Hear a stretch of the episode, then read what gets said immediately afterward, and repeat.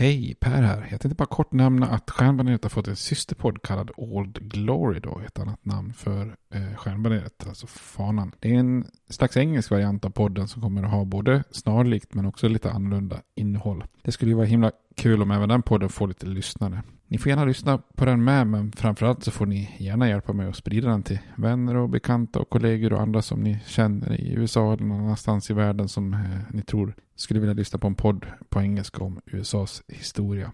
Tack, det var bara det jag ville säga. Nu kommer avsnittet. Hej då! Ryan Reynolds här från Mint Mobile.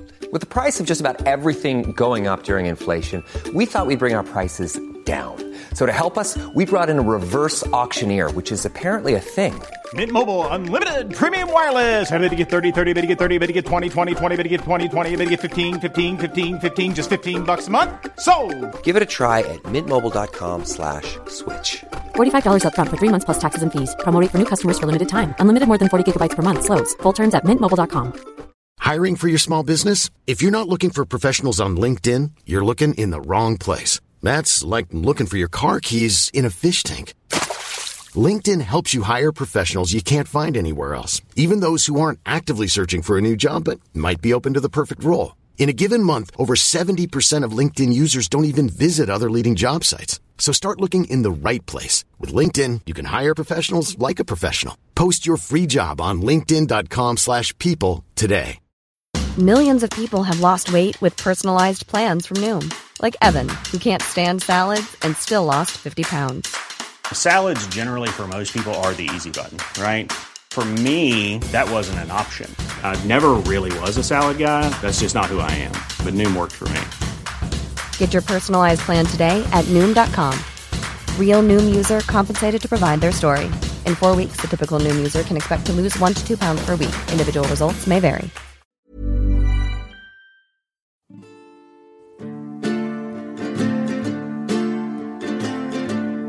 We hold these truths to be self-evident, that all men are created equal, that they are endowed by their Creator with certain unalienable rights, that among these are life, liberty, and the pursuit of happiness. Now we are engaged in a great civil war, testing that government of the people, by the people, for the people, shall not perish from the earth. And so, my fellow Americans, ask not what your country can do for you, ask what you can do for your country. I have a dream. My four little children will one day live in a nation where they will not be judged by the color of their skin, but by the content of their character. Mr. Gorbachev, tear down this wall. I did not have sexual relations with that woman, Miss Lewinsky. Hej och välkomna till Stjärnbaneret, en podcast om USAs historia med mig Per Fjärdingby. Jag tänkte vi skulle fortsätta den här serien om medborgarrättskampen och medborgarrättsrörelsen för afroamerikanska. Och eh, vi börjar ju liksom närma oss eh, lite mer modern tid här. Men vi ska först ta oss ur den här klassiska medborgarrättsrörelsetiden då. Vi har ju sett här i de senaste avsnitten att man har vunnit ganska mycket framgångar då i, i medborgarrättsrörelsen. Dels eh, 1964 då med i kölvattnet av de här händelserna i Birmingham så eh, kom ju den här lagstiftningen som formellt sett gjorde slut på de här Jim Crow-reglerna som är alltså då var den här sociala segregeringen med uppdelade toaletter och bussar och så vidare. Som vi såg i senaste avsnittet också då efter de här händelserna på orten Selma så vid den här kända bron Edmund Pettus Bridge så kom då ett, eh, ett stöd från president Lyndon B Johnson och sen så fick man då igenom eh, den här eh, Voting Rights Act 1965 då som också gav eh, afroamerikaner rösträtten eh, i södern då, eller röst, gav rösten tillbaka kan man väl säga då, egentligen om man går tillbaka till rekonstruktionen då. Eh, så att här har ju kommit då väldigt, väldigt mycket, mycket framgångar då. Men som vi ser nu så när det, det som kvarstår är den ekonomiska segregeringen så, så kommer vi att se att det Eh, problemen är lite djupare rotade för afroamerikaner än vad det faktiskt var med de här officiella diskrimineringarna.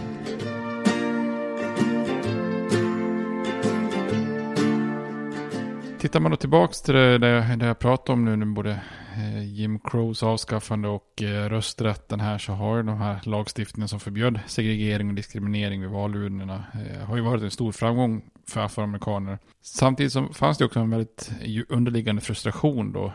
Därför att det är en legal, liksom social och politisk jämlikhet. Det är ju ingen garanti för att skapa jämlika möjligheter att, att lyckas i livet.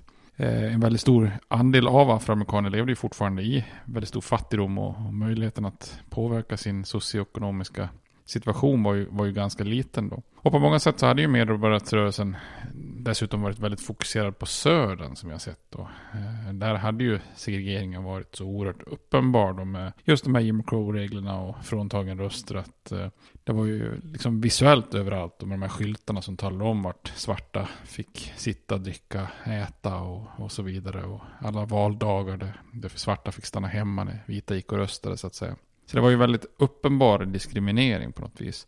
Den socioekonomiska segregeringen är ju emellertid större än bara södern. Det var ju ett nationellt problem som berörde liksom den stora breda massan av afroamerikaner. Eh, och medborgarrättsrörelsen hade ju gjort väldigt lite för att förbättra livet för till exempel afroamerikaner i de stora städerna på västkusten och i nordstaterna. Och I de här äh, stora städernas fattiga innerstäder, eh, getton då, så hade ju livet inte egentligen förbättrats ett enda dugg under de här medborgarrättsrörelsens äh, hög, högtid eller glansdagar.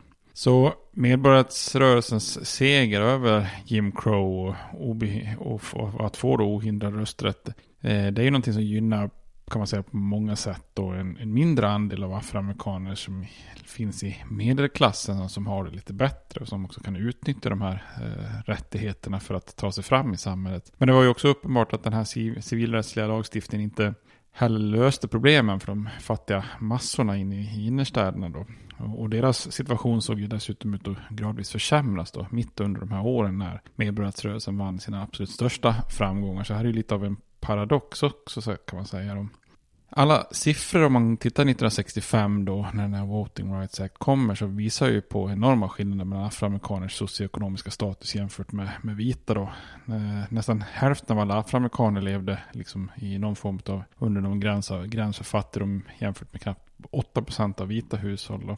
Eh, och en väldigt oroväckande faktor var ju också att gapet mellan fattiga afroamerikaner och resten av samhället fortsatte att öka eh, vid den här tiden. Då. Trots att andelen fattiga totalt sett minskade i USA under, under de här åren 1959 till 65 så ökar andelen fattiga afroamerikaner i, i den gruppen. Då. Så 1965 så lever ungefär nästan 33 miljoner afroamerikaner i, under fattigdomsstrecket. Då, så att säga. Eh, arbetslösheten för afroamerikaner 1965 var också uppe i 8,5 procent, vilket då var dubbelt så hög som det nationella genomsnittet. Och trots att 1964 hade varit ett väldigt bra år ekonomiskt för USA så hade 29 procent av alla afroamerikanska män varit arbetslösa någon del under det här eh, goda ekonomiska året. Och, och värst var det ju för unga afroamerikaner att komma ut på arbetsmarknaden då, bland tonåringar, eh, afroamerikanska tonåringar så att säga, så var ju arbetslösheten 23 procent eh, då jämfört med då knappt 11 procent för vita tonåringar. Eh, en orsak till att situationen såg ut så här, att det höll på att börja förfalla i många städer, är ju att när vi kommer till 60-talet så, så är den här, eh, har den här stora migrationen förändrat väldigt mycket. Eh, tittar man på de 20 åren efter andra världskriget fram till 1965 då, så hade ju runt 4 miljoner afroamerikaner flyttat från södern och, och flera miljoner hade ju bosatt sig då i de stora städerna i, i endera nordstaterna eller på västkusten. Då. Och många av de här migranterna var ju outbildade personer som hade väldigt små möjligheter att ta kvalificerade arbeten. Och dessutom så hade ju industrierna under samma era börjat effektivisera så att antalet enkla industriarbeten hade minskat ganska eh, kraftigt då så att säga. Och utan möjlighet att få ett stabilt varaktigt jobb så var det svårt att förbättra sin ekonomiska situation för, för väldigt många då. Eh, rasdiskriminering hade ju också en, en, en tydlig ekonomisk aspekt och den vita arbetars, arbetarklassen då försökte på väldigt många olika sätt förhindra svarta från att få ett fotfast, fotfäste i mer välbetalda branscher och yrkeskategorier. Och här finns ju liksom en stor portion av hyckleri då, för många fackförbund stödde officiellt i alla fall medborgarrättsrörelsen med ena handen, men eh, med andra handen svarta att ens gå med i vissa fackförbund då, så att säga. Och rasdiskriminering i storstäderna både den norra och västra delen av landet handlar ju om, om andra, fak, andra faktorer liksom än vad medborgarrättsrörelsen hade kämpat med i södern då. Och det här sammanfattas, sammanfattas ju oerhört bra på en protestskylt i, i New York då, på en klassisk bild där det är en man som håller upp eh, en skylt med budskapet där det stod att I'd eat at your lunch encounter if only I had a job. Det vill säga det här kämpandet om att få äta eh, på samma ställe som vita. Ja, det är inte så mycket värt om du inte har ekonomi och råd att köpa din, din lunch då helt enkelt. En annan del av den här socioekonomiska segregeringen som förstärkte problemet, eh, det var ju den här typen av boendesegregering som blev väldigt mycket, eller allt vanligare i de större städerna. De vita i nordstaterna på västkusten, eh, de ville ju helt enkelt absolut inte bo granne med afroamerikaner. Så när svarta familjer försökte flytta in i liksom vita bostadsområden så blev det inte sällan så att de trakasserades tills de flyttade igen. Då. Inte sällan med våld eller till och med med bomber i vissa fall. Då. Och symboliskt så röstade till exempel en vit majoritet i Kalifornien för att skrota en lag om rättvist boende 1964. Så det är en ganska tidtypiskt, eh, tidtypiskt åtgärd då, så att säga.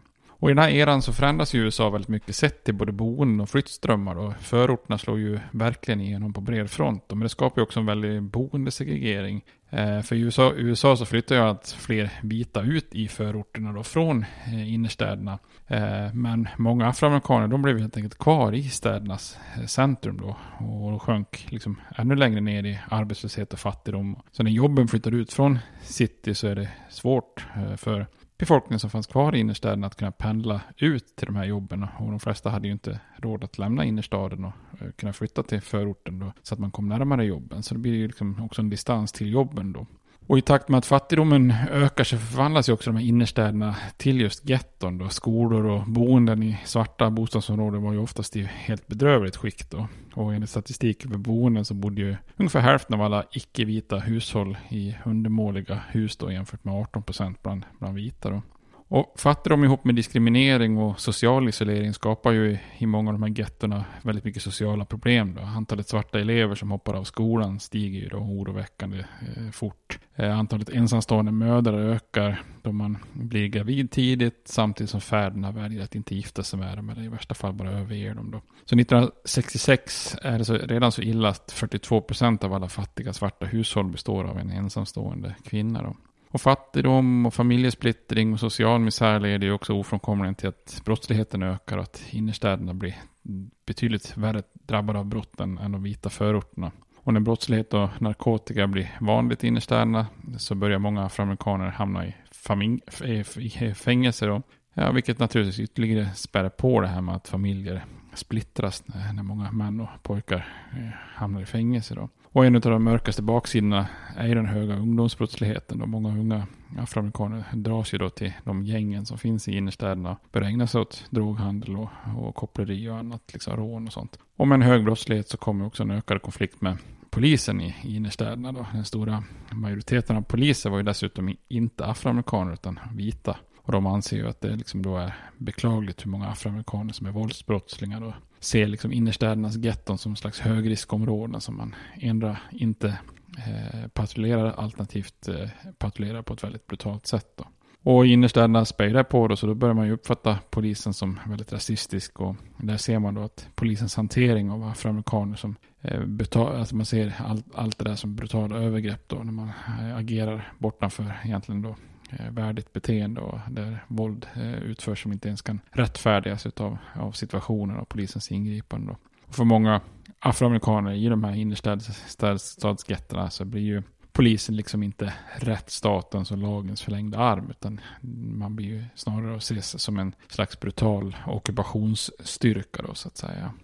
Det här drar ju KRS-One, en klassisk rappare, han drar ju det här i den här låten som, som många säkert har hört någon gång, The Sound of the Police. Eh, där menar han ju på att det finns en, en tydlig språklig koppling där han säger overseer, eh, alltså de som var plantageförmän som lät piskan vina under slaveriet. Och säger man ordet overseer många gånger, overseer, officer, officer, officer så blir det officer, säger han i, i, i den här Sound of the Police. Så han menar på att det, Eh, för, för svarta i innerstäderna så är ju i princip polisen lika illa som en sån förman var under slaveriet. Då. Så det är ju en liten fyndig koppling.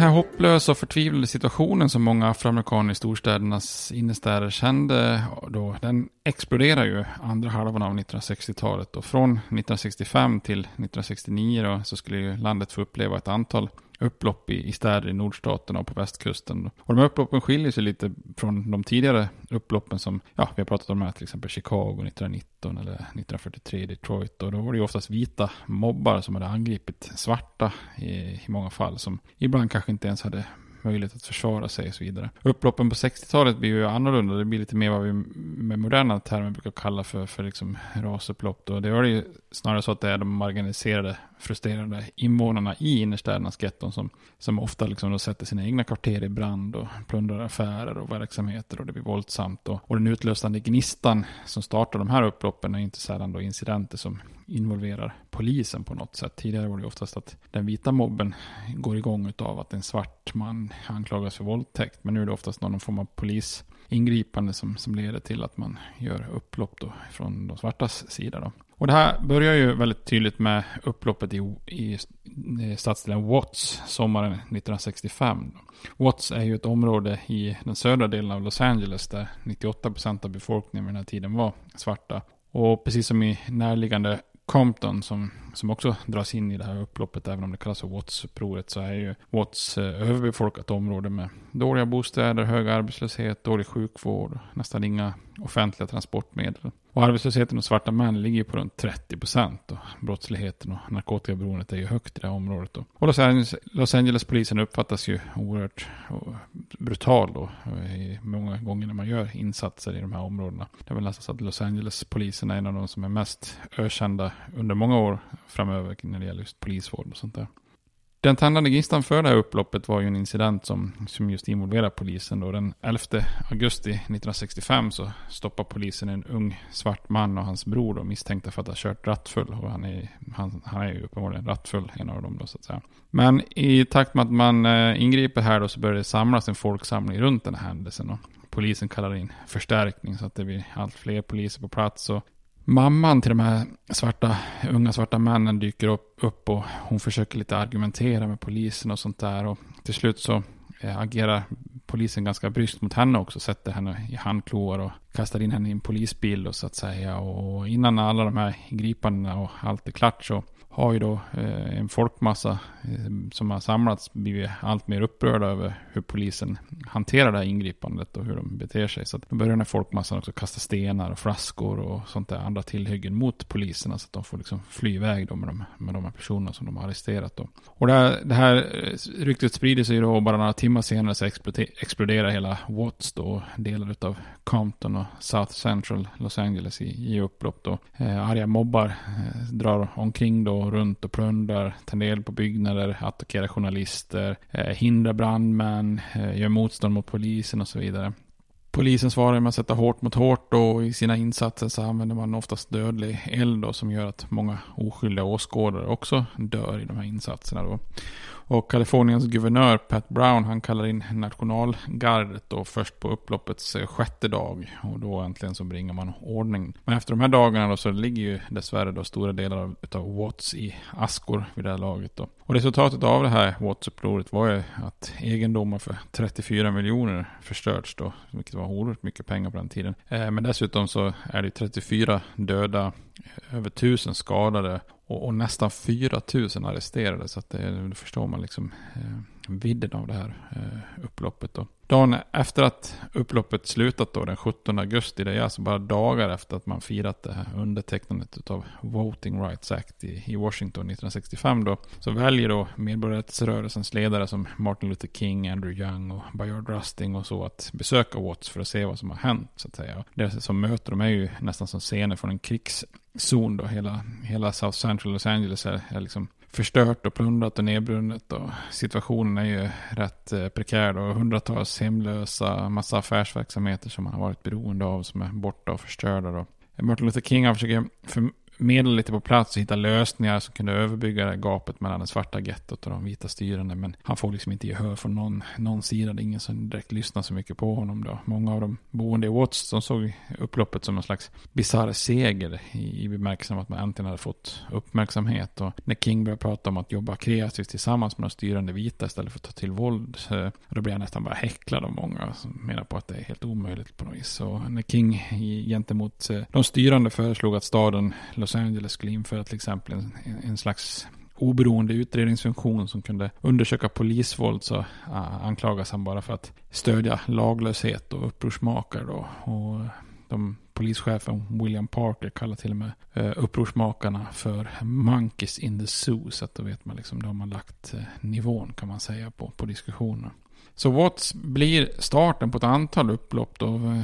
Från sommaren 1965 fram till 1969 så inträffar mängder av upplopp. Nästan alla större och medelstora städer med en stor andel afroamerikansk befolkning drabbas på något sätt. Då. bland de här större städerna som drabbas är bland annat New York City, Rochester då, som också ligger i New York, Philadelphia, Washington DC, San Francisco. Men de största upploppen efter Watts, det blir egentligen upploppen i Detroit och Newark. I Newark i New Jersey fanns en väldigt stor afroamerikansk eh, befolkning på, på runt 400 000 invånare. Eh, och här i den här staden så hade ju verkligen vita flytt ut till förorterna och innerstaden hade förfallit. Och 1967 när, när upploppet sker då i New York, det, då är det den högsta arbetslösheten bland afroamerikanska män i, i hela USA i staden då. Och den 12 april så arresteras en svart taxichaufförer och misshandlas på polisstationen. Och folksamling samlas utanför polisstationen och någon kastar en molotov cocktail mot huset. Där, och då går polisen till attack och går loss med batonger på folk. Och resultatet blev då ett upplopp som gick pågick i fyra dagar. Eh, där 25 personer dödas, varav faktiskt två barn också. De flesta verkar ha varit på fel plats vid fel tillfälle då. Och även en vit polis och en brandman mördas och enorma mängder egendom förstörs då. Bara några dagar efter det upploppet så exploderar även i Detroit då. Och upploppet där överraskade ju ganska många för staden hade ändå på ytan upplevts som relativt framgångsrik och harmonisk. Och eh, en viktig symbol för afroamerikansk framgång i kulturen hade ju till exempel funnits där i form av Motown Recording Company då med stjärnor som Diane Ross och så vidare. Men under ytan så har det bubblat i Detroit och många afroamerikaner som har kommit till stan under den stora migrationen efter andra världskriget hade ju fastnat i eh, fattigdom då. Och när deras egna barn i sin tur då blivit unga vuxna så kunde de inte riktigt hålla tillbaka sitt missnöje som på samma sätt som föräldrarna hade, hade gjort då. Den 23 juli så gjorde polisen i Detroit en eh, vad heter det, en, eh, ja, eh, en, en rär eller tillslag då mot en illegal klubb mitt i ett eh, svart eh, bostadsområde där man hade firat återkomsten av två veteraner från Vietnamkriget. Då. Och polisens tillslag mot den här klubben triggar igång då en fem dagar långt eh, uppror. Då. Eh, John Connors, en afroamerikansk kongressledamot från Michigan, han försökte vädja till folk att sluta upploppet, men det var ju förgäves. Han inser ju att den ilskan som det ger upplopp för det knappast gäller bara det här tillslaget mot klubben, utan det är ju den här uppgivenheten och hopplösheten som man känner i största allmänhet. Då. Så Michigans republikanska guvernör George Romney då, som ju, jag har inte kollat detta men jag tror väl att han är Mitt Romneys pappa, visst är det så? Ja. Han får i alla fall till slut sätta in delstatens nationalgarde då. Och trots att man då samarbetar med ungefär 200 delstatspoliser och 600 lokala polismän så lyckas man liksom inte stoppa upploppet med nationalgardet. Så till slut så fick till och med president Johnson kalla in 4700 federala elittrupper till Detroit för att bringa ordning då. Och av alla de här 59 upploppen eh, som sker bara år 1967 så var Detroit det som kostade flest människoliv. 43 afroamerikanska personer dog då, de flesta av skott och avfyrade av nationalgardet. Och för många i USA så är det här våldet som uppstår i innerstäderna andra halvan av 60-talet en, en, en, ganska stor chock. Eh, många afroamerikaner hade ju lämnat södern då, den stora migrationen och kommit till norra eller västra USA då. Eh, och där kunde de ju åka buss med vita, äta på restauranger, gå till bibliotek och nöjesparker, bli antagna vid skolor för högre utbildning och rösta i val och uttrycka sitt eventuella missnöje mer öppet än vad de någonsin hade kunnat gjort i, i södern då så att säga. Men medan afroamerikaner i södern eh, knappt hunnit fira att man har fått då civila rättigheter så visade det sig att de, sina bröder och systrar i nord och väst var minst lika arga och, och bittra som man, som man var med den situation man har befunnit sig i i södern. Då. Den här socioekonomiska segregeringen var ju inte riktigt lika tydlig som politisk och social segregering.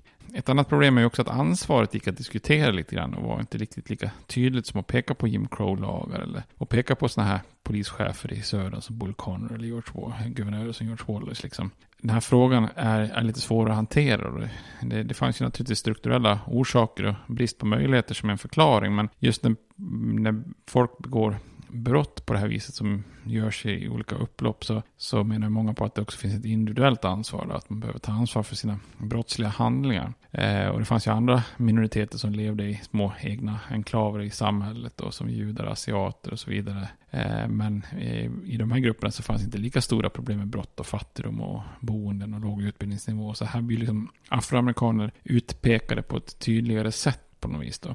Och det som kommer nu från och med mitten av 60-talet också en slags förskjutning av ansvar och utpekande av, av liksom skyldiga. Ehm, så när innerstäderna exploderar i våld så börjar många vita ta avstånd från medborgarrättsrörelsen. Det, det är liksom okej okay att stödja en icke-våldsprotesterande Martin Luther King då, som kämpar för rösträtt eller Jim Crows avskaffande. Men afroamerikaner som bränner ner och skär i sina egna kvarter, det har man liksom ingenting över för. Då, då lämnar man eh, skutan och, och börjar säga att man får skylla sig själv. Då, så att säga. Och många vita som hade accepterat medborgarrättskampen tar ju avstånd. Och bland annat Lyndon B. Johnson som säger att plundring och mord och mordbrand har ingenting med politiska rättigheter att, att göra då, med hans syn på det hela. Och han chockas också av ilskan i Watts då, men, men Watts var ju bara en liten låga.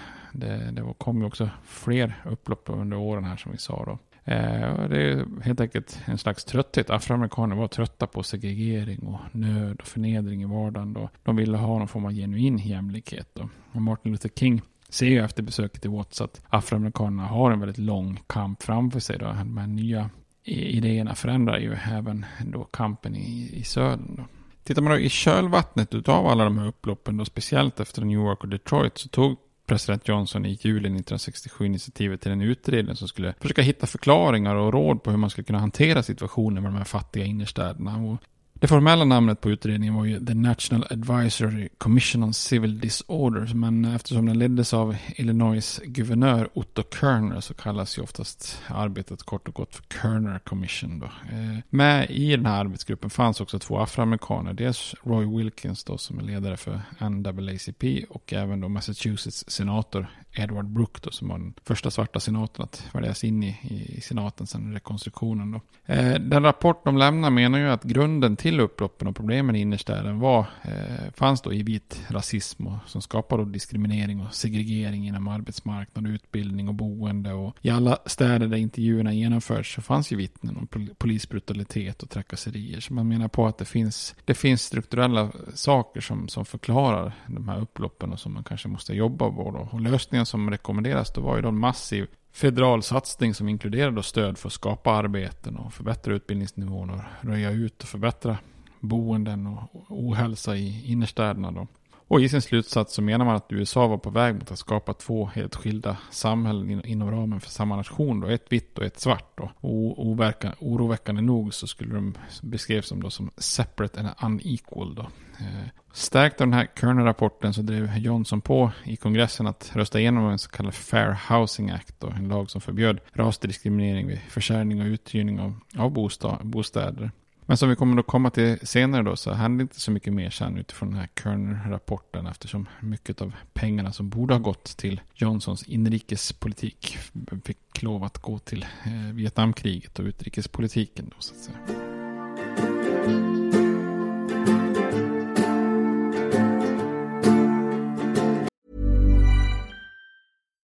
Millions of people have lost weight with personalized plans from Noom. Like Evan, who can't stand salads and still lost 50 pounds.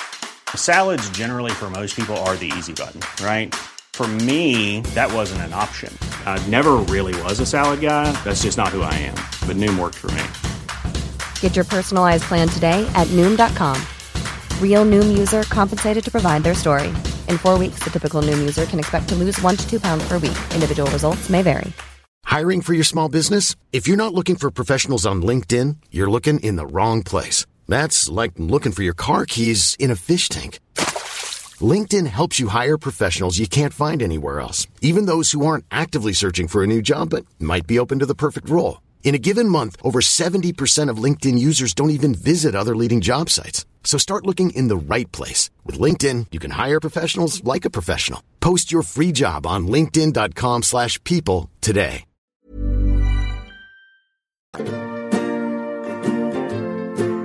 Eh, tittar man på Martin Luther Kings framfart, efter, tittar man efter marschen i Selma då, eh, och den stora framgången så var ju Martin Luther King i jakt på en ny strategi då. Eh, Jim Crow och rösträttsdiskrimineringen hade kämpats ner och nu insåg han, han att behovet eh, att var att angripa då den ekonomiska diskrimineringen. Och vid det här laget så har ju King blivit en ganska kontroversiell ledare som attackerades från, från egentligen från båda håll. Då. Många vita amerikaner såg honom som en farlig, radikal medborgarrättskämpe som behövde bekämpas. Medan radikala svarta nationalister såg honom som en ineffektiv, och feg och moderat ledare. Då. Eh, och de mer moderata svarta medborgarrättsledarna tyckte att King borde kanske mer fördöma och ta avstånd från de här mer radikala grupperna som jag tänkte vi skulle prata om i, i nästa avsnitt. Då.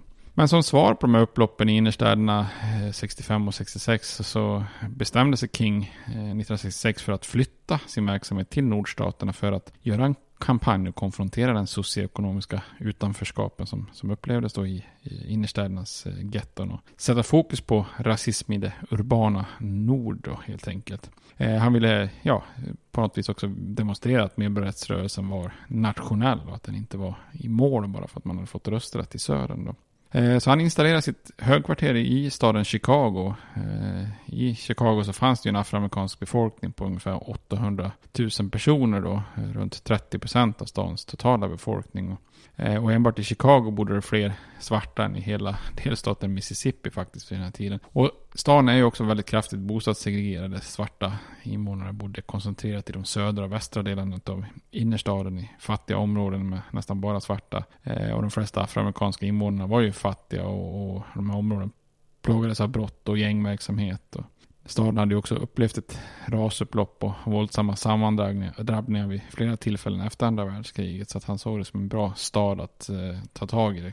Eh, och roten som Kings såg det var ju bostadssegregeringen då. Eh, svarta var liksom fast i en ond cirkel där chanserna till jobb och utbildning hängde på var man bodde. Och vart man bodde var, var ingen slump då utifrån de strukturer som fanns. Eh, politiker och skolnämnder avgjorde vilka områden som var svarta och vita och så på höga kommunala och delstatsnivå så liksom fattas beslut som hela tiden påverkar svarta och byggde upp den här rasismen strukturellt då. Och bostadspolitiken i norr hade ju liksom nästan samma effekt som Jim Crow-lagarna hade haft i södern då. Så han ser det som en, en, en naturlig fortsättning på medborgarrättskampen då.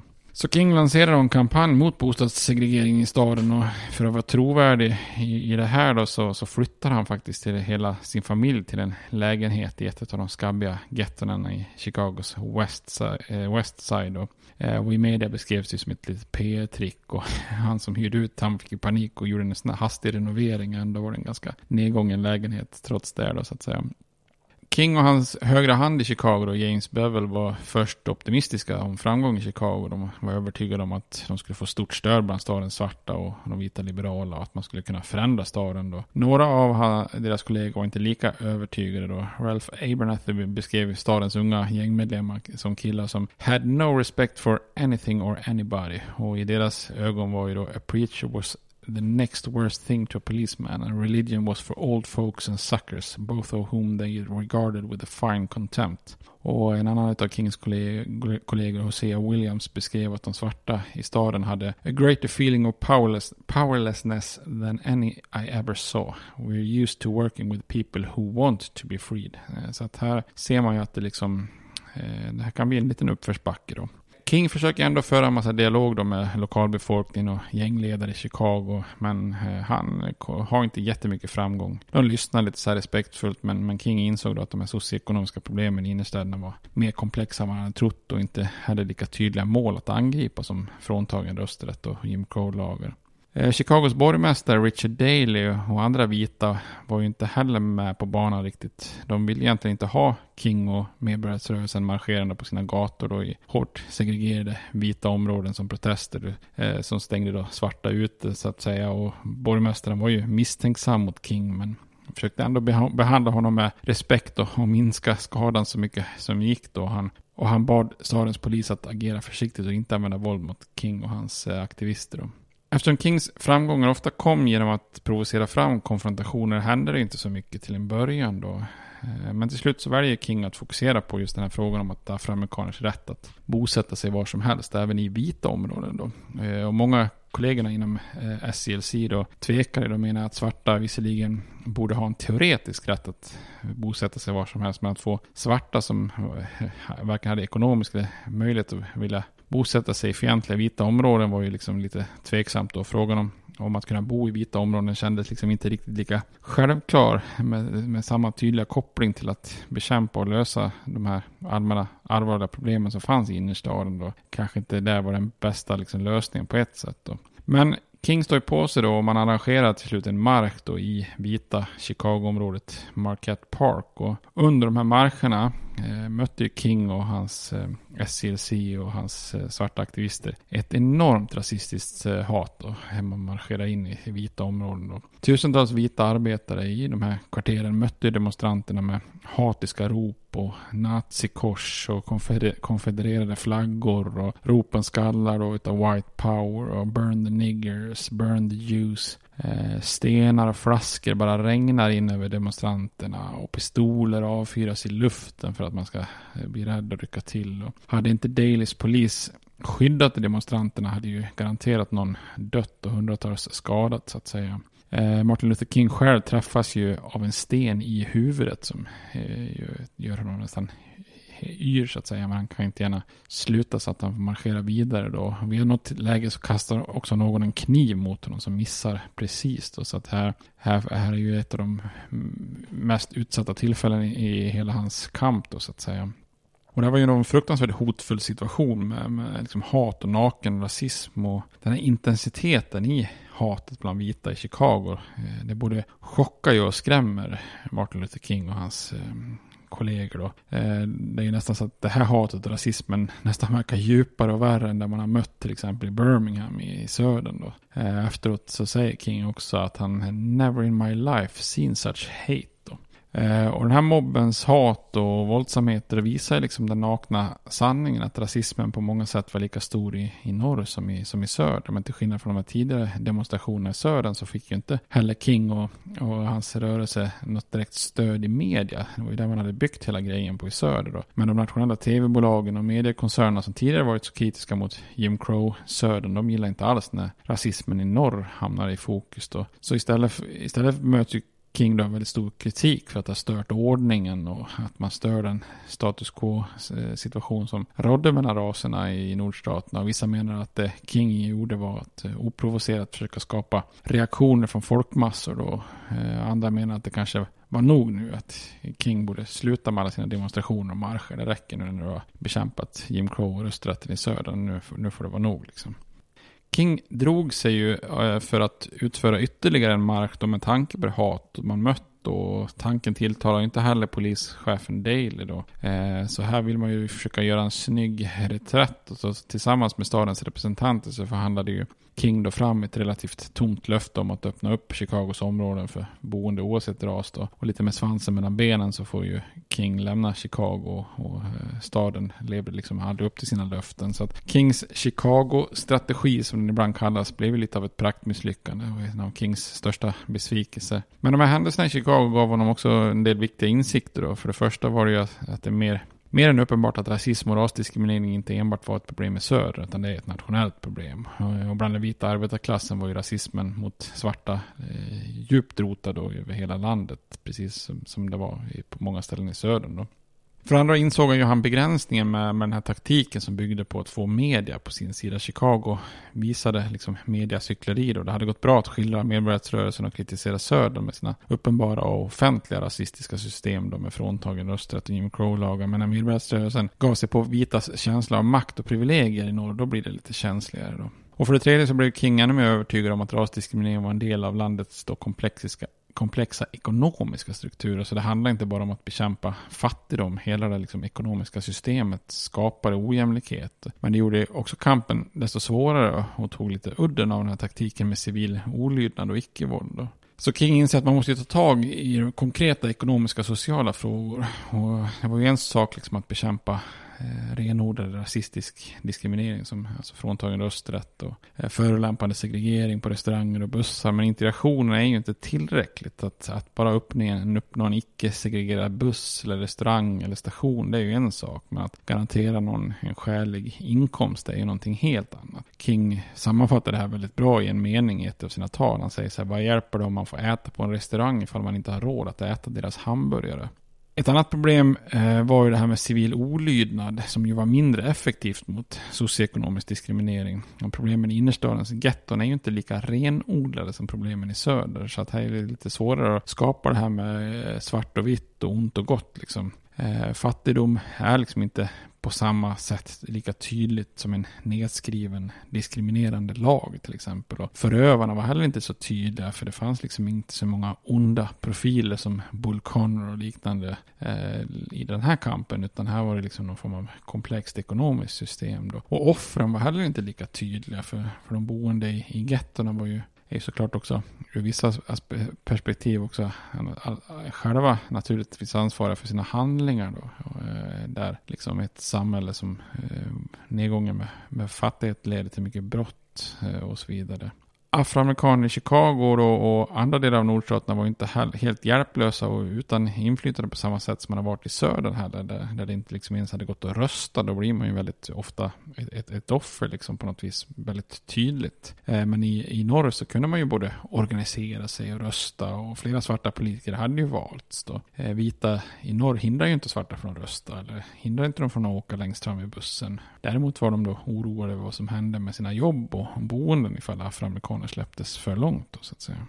Medan andra inom medborgarrörelsen började fundera på om civilolydnad demonstrationer var gårdagens taktik så var King dock lika beslutsam om att fortsätta på inslagen taktik då, samtidigt som fokus innehållsmässigt förflyttades till det socioekonomiska området. Och resultatet är att King under hösten 1967 tog initiativ till sitt mest ambitiösa och militanta projekt någonsin då, som kallas för A Poor People's Campaign då, eller Poor People's March som skulle starta våren efter då. Hans tanke var att tiotusentals fattiga skulle marschera till Washington DC för att protestera mot den ojämna, ojämlika ek ekonomin ekonomin då kräva en garanterad federal eh, minimiinkomst då helt enkelt.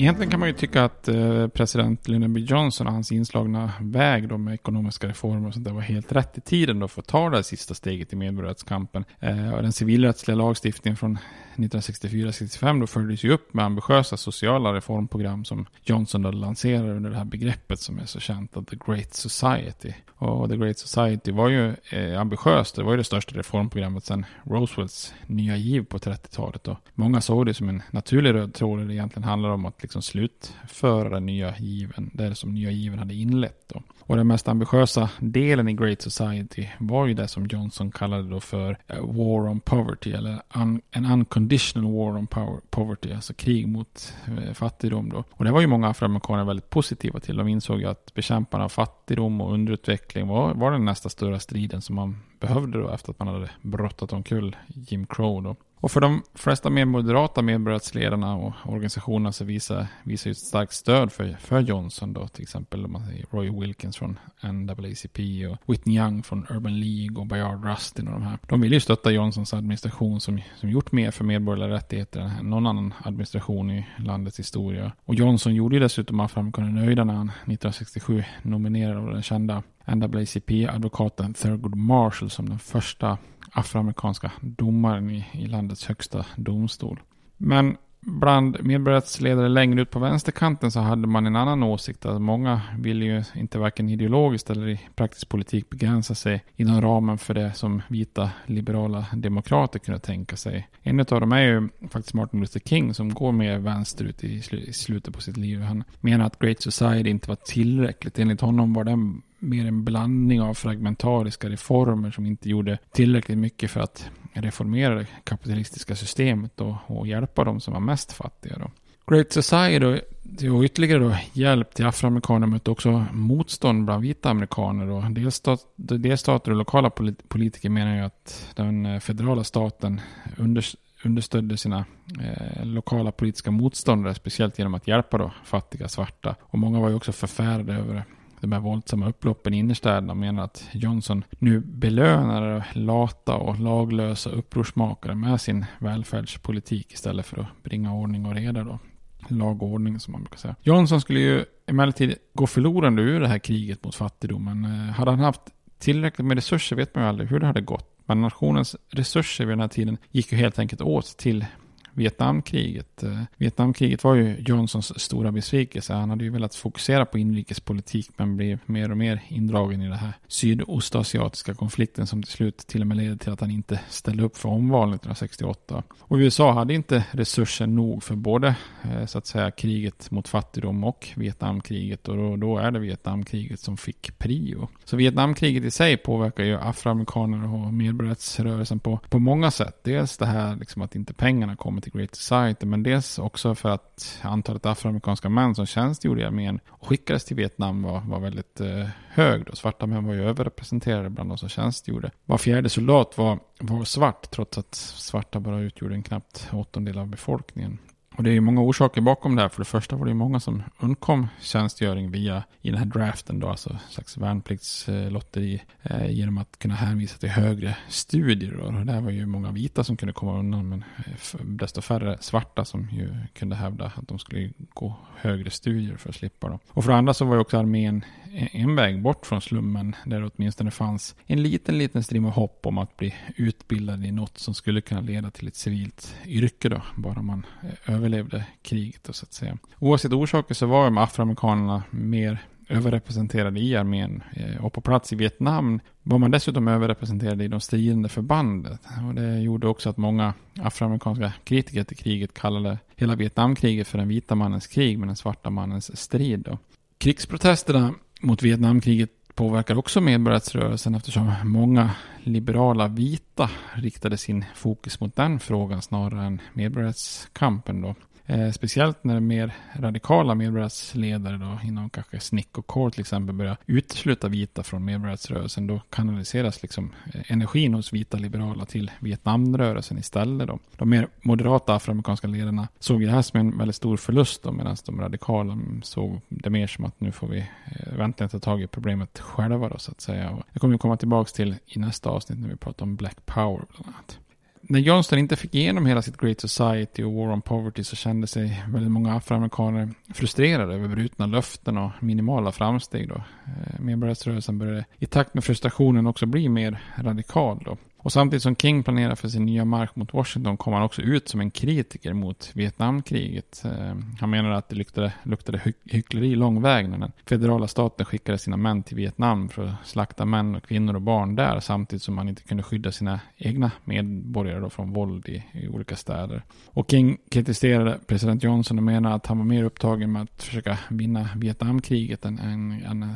kriget mot fattigdom på hemmaplan. Och enligt King var kriget ett slöseri då med resurser som hade bättre kunnat användas på, på hemmaplan. Då. Eh, och den här kritiken innebar ju också att King och Johnson skulle komma och bryta med varandra. De hade ju tidigare varit på good speaking terms, men nu kommer man inte längre överens då. King skulle ju aldrig mer bjudas in till Vita huset av Johnson. Kritiken mot Vietnamkriget gjorde också att Martin Luther King blev allt mer isolerad här. Eh, han kommer på kant med väldigt många av de mer traditionella moderata afroamerikanska ledarna som ställt sig bakom kriget och menar att det var jäkligt otaktiskt av King att kritisera kriget för det gjorde ju bara Johnson mindre intresserad av att hjälpa afroamerikaner. Samtidigt som King då blir lite mer radikal i, i sin kritik då eh, så hjälper det heller inte att han får stöd av de här yngre mer radikala i till exempel Snick och Core. Därför att de, de har under samma period blivit ännu mer eh, radikala och ännu mer kritiska. Så där framstår King som lite moderat istället oavsett eh, det interna där bland afroamerikaner så hade ju Martin Luther King runt 1968 blivit en av krigets mest kritiska röster totalt sett i USA då, i anti-Vietnamkrigrörelsen. Och trots att många moderata ledare inom medborgarrörelsen bad King tona ner sin kritik så blir han snarare mer öppen och kritisk med tiden då. Eh, den 4 juli, alltså på eh, nationaldagen 1967, höll han ett brandtal där han kritiserade kriget i en kyrka i, Riverside i New York City. Och det här talet skapade en kritikerstorm. Många menar att King skulle hålla sig till civila rättigheter och inte kriget. Och NAACP kritiserade King öppet eh, för det här talet. Och vid en insamlingsmiddag strax därefter så hamnar King i direkt dispyt med Whitney Young från Urban League då. Något som han blir väldigt ångerfull efter, efteråt för. Och den här kritiken mot både Great Society och Vietnamkriget var ju typiskt för Kings sista år. Han går ju definitivt lite grann vänster i sin ideologiska hållning. Eh, och han skulle aldrig gå så långt som att bli kommunist, men det hjälper ju inte. Eh, enligt J. Edgar Hoover eh, är han ju redan en kommunist och en radikal som måste bevakas då så att säga. Men att King går lite åt det här hållet, lite mot vänsterhållet, lite mot det radikala, lite mot det militanta, mer fokus mot det här ekonomiska fattigheten och, och innerstadsproblematiken. Eh, det kanske inte är så konstigt för att eh, samtidigt finns det ju en väldigt tydlig utveckling de här åren mot att många yngre och eh, eh, radikala medborgarrättsgrupper eh, går i den samma riktningen och det är ju det som brukar kallas för Black Power. Men eh, mer om det i nästa avsnitt. Tills dess får ni ha det bra. Hej då! States like these and their terrorist allies constitute an axis of evil. And if the hippies and the yippies and the disruptors of the systems that Washington and Lincoln as presidents brought forth in this country will shut up and work within our free system of government, I will lower my voice.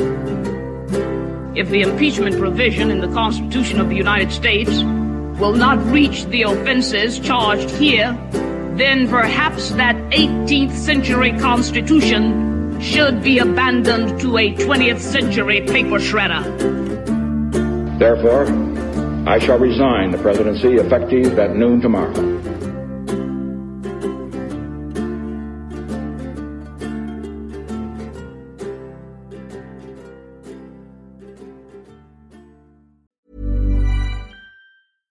Hey, it's Paige DeSorbo from Giggly Squad. High quality fashion without the price tag? Say hello to Quince. I'm snagging high-end essentials like cozy cashmere sweaters, sleek leather jackets, fine jewelry, and so much more. With Quince being 50 to 80% less than similar brands. And they partner with factories that prioritize safe, ethical, and responsible manufacturing. I love that. Luxury quality within reach. Go to quince.com slash style to get free shipping and 365 day returns on your next order. Quince.com slash style.